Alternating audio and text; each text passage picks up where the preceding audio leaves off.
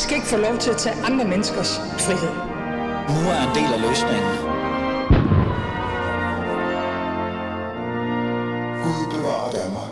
Anders øh, Vistesen, tak fordi du vil være med i, øh, i programmet. Øh, du er jo øh, medlem af Europaparlamentet for Dansk Folkeparti. Anders Vistesen, der er jo sket noget interessant. Du er beskyldt for hate speech i det europæiske parlament.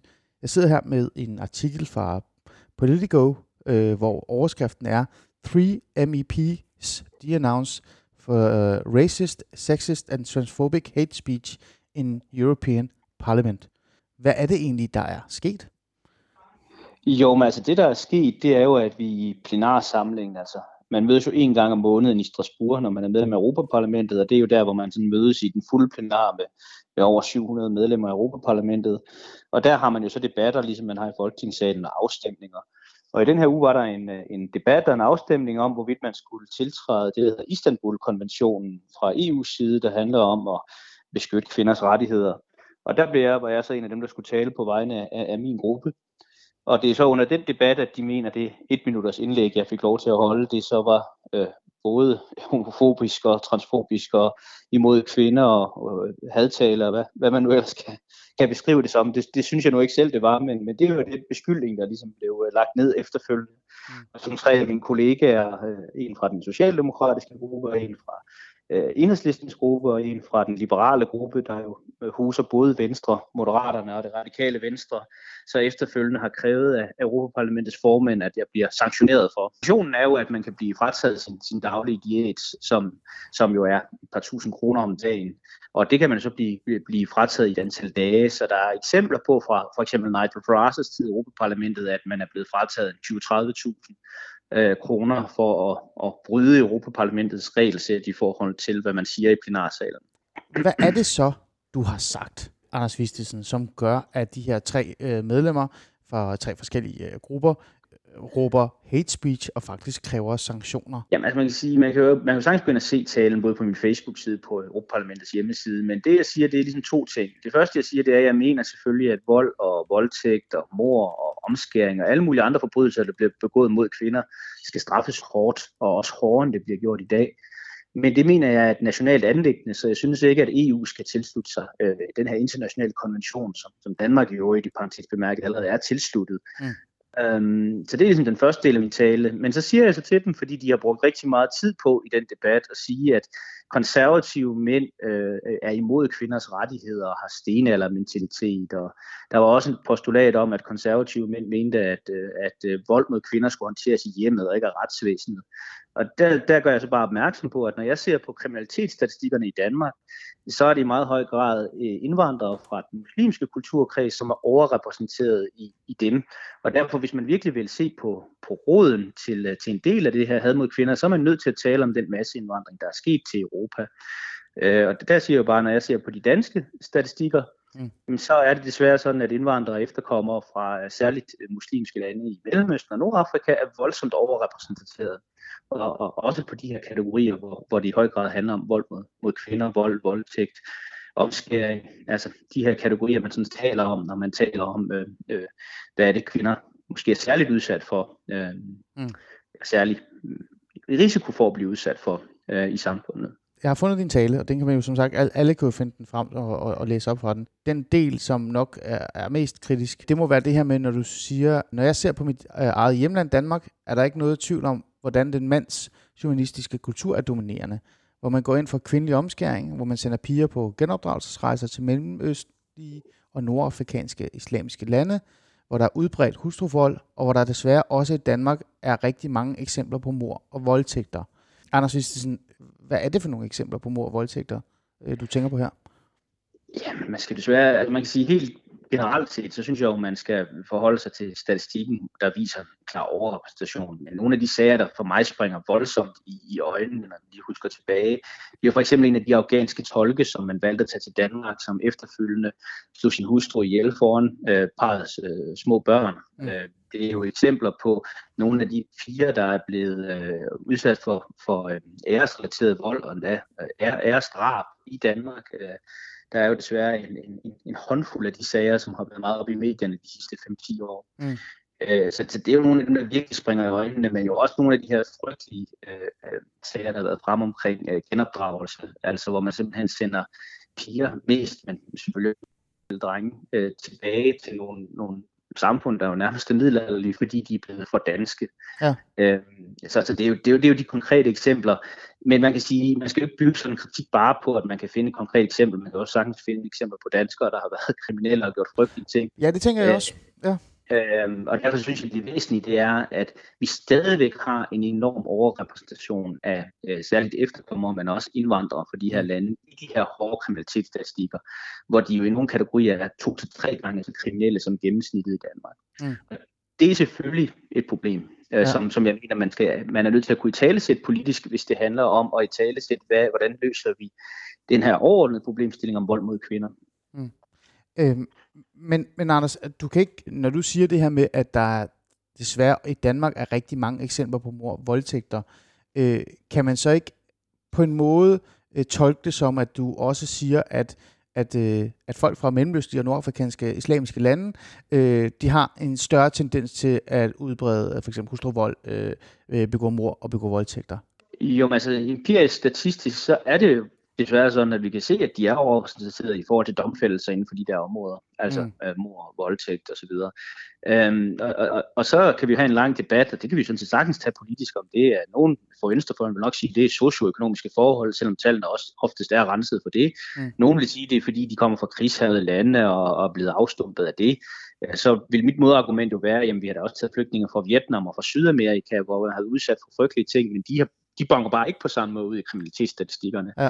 Øh, så, så det jeg finder øh, værd at påpege i sådan en debat her, der handler om, hvordan vi sikrer kvinder øh, bedre, det er desværre, at det, der er kun i min verden den øh, årsagssammenhæng, at de her lande er øh, en islamisk kultur. Øhm, ja. og, og, og det er ligesom det eneste sted i verden, hvor, hvor når vi ser folk, der migrerer derfra, at, at, øh, at de tager de her kriminalitetstendenser med sig i et omfang, der er meget større, end hvis det for eksempel var en, tamiler, der var flygtet fra, fra, fra konflikten der, eller en, en, en, øhm, en ungar, der var flygtet i, i 65 fra, fra Ungarn, eller hvem det nu ellers kunne være, man har taget imod som, øh, som flygtning eller. Ja. Øh, og derfor så synes jeg, man er nødt til at i talesætte, at der er et særskilt problem med kvindesynet i islam, øhm, som man skal håndtere. Og det betyder jo ikke, at jeg mener, at alle muslimer hader kvinder, eller der ikke er nogen muslimer, der finder være demokrater.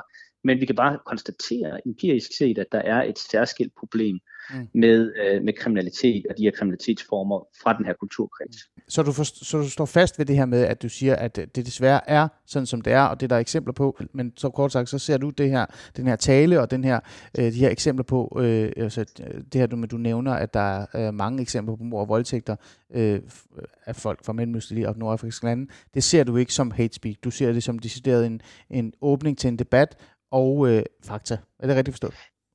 Ja, altså jeg fremlægger, synes jeg, fakta, det er bakker op af Danmarks Statistik, det er jo der, jeg har fakta fra. Ja. Øh, og det er jo ikke sådan, at jeg i min tale siger, at nu skal vi gå ud med køller og tæve øh, de her mennesker øh, sønder sammen, eller øh, i øvrigt noget som helst andet. Jeg siger, det eneste, jeg siger i min tale, det er, at jeg synes, man skal have højere straffe for de her øh, forskellige former for kriminalitet, ja. fordi jeg synes ikke, at øh, straffene står mål med, øh, med, øh, med de overgreb, der sker på offrene. Mm. Og det er jo generelt, det handler jo ikke om, at der skal være en en straf for en mand fra Mellemøsten og en anden straf for en dansker. Jeg mener jo helt generelt, man skal straffe de her ting hårdere, end det sker i dag i Danmark. Mm. Nu er der jo så den her hate speech kritik er der. Hvad er så det næste skridt? Hvad er det så, du skal nu? Skal du så for eksempel fremlægge tal og statistikker på, på det, du har nævnt her, eller hvad, hvad, hvad skal der nu? Ja, altså jeg har aldrig prøvet det før, men jeg forstår, at det foregår på den måde, at nu skal formanden for Europaparlamentet i første omgang finde ud af, om hun vil gå videre med sagen. Mm. Øhm, sammen med ledelsen i Europaparlamentet.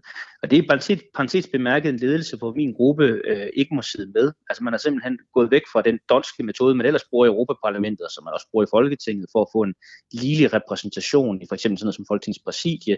Den gælder ikke i Europaparlamentet for min gruppe, så, så min, min egen gruppe sidder ikke med til at kunne forsvare mig i den her proces. Men, øh, men det er så alle mine politiske modstandere, der skal sidde og vurdere, om, om de synes, at jeg har begået hate speech. Og, øh, og så frem de sådan synes, de vil gå videre med sagen, så får jeg også muligheden for at blive hørt og, og, og, og give en, en skriftlig øh, redegørelse for, hvorfor jeg ikke mener, at der, der er tale om hate speech. Og så sidder de samme mennesker så på den baggrund og vurderer, om jeg skal idømmes en bøde på, på et andet beløb, og det kan jo så være alt fra ja, fra 2.000 til, til 40.000 kroner okay. øh, Men du vil, de lav der. Men du vil have den her hate speech øh, markatet på dig, hvis det er, at du bliver dømt for det. øh, vil jeg forstå, ikke? Er det rigtigt? Ligegyldigt, jo, jo, altså, det, så vil man jo sige, at jeg har brudt øh, parlamentets regler, øh, og, og, og at jeg, jeg, jeg har begået hate speech øh, mm. bedre ved at sige de ting, jeg har gjort i, i, i, øh, i plenarsalen. Nu har vi jo øh, en, en altså dagligt nærmest en meget øh, åben øh, ytringsfrihedsdebat i Danmark. Blev du overrasket? Jeg er overrasket, fordi min tale jo i høj grad, altså altså, mest bare bunder i, i det statistiske faktum, at der er en overrepræsentation, og hvordan det kan være hate speech, det kan jeg simpelthen ikke se. Mm. Altså det er jo ikke sådan, jeg har stået og advokeret for, at man skulle deportere muslimer, eller at man skulle indføre drakoniske sanktioner over for et helt, øh, et, et, et helt trosretning. Mm. Jeg har egentlig bare sagt, at hvis vi skal debattere vold mod kvinder, så er man nødt til at have det her element med øh, som en del af forklaringen på, hvorfor vi har en udfordring mm. i et mm. land øh, som Danmark. Okay. Øh, altså, jeg blev da overrasket over, at, øh, at der var nogle kollegaer, der tog det så nært. Mm. Særligt fordi den kollega, der, der, der tog det her op i plenarsalen, det er en hollandsk, øh, hollandsk øh, øh medlem af den liberale gruppe, hun har selv øh, sager, hvor hun har chikaneret hendes medarbejdere så meget, at det er en ret stor sag i hollandsk presse. Så at jeg lige af hende skulle beskyldes for at have et frygteligt menneskesyn og ikke kunne skille ret fra vrang, det synes jeg virkelig er lidt hyggelig. Mm, interessant. Øh, det er en helt anden snak, men meget, men meget interessant. Ja, det, er det, det, det Men med, hvad med dine egne kollegaer? Nu nævner du kollegaerne, og der tænker jeg sådan generelt alle dine kollegaer på Europaparlamentet, men nu har du også nogle danske kollegaer. Du lavede jo et tweet øh, her øh, i går, hvor du faktisk siger, kære øh, enhedslistens Nikolaj Williamsens øh, Øh, Socialdemokratiets Schaldemose, øh, Lykkegaard øh, fra Venstre, Moderaternes Bergur, øh, Radikalt øh, Venstres Morten Helve. Øh, det er jo jeres gruppe i Europaparlamentet, der har valgt, at jeg skal sanktioneres med bøder. Er du skuffet over, at de ikke stiller sig frem? Nej, jeg er forundret over det, fordi øh, Nikolaj Willumsen, han, lag, han har faktisk været efter mig hele ugen, for jeg ikke stemte for den her Istanbul-konvention, og han har lagt på Twitter, at, øh, at jeg er et frygteligt menneske, et dårligt menneskesyn, fordi at, at jeg ikke gør det.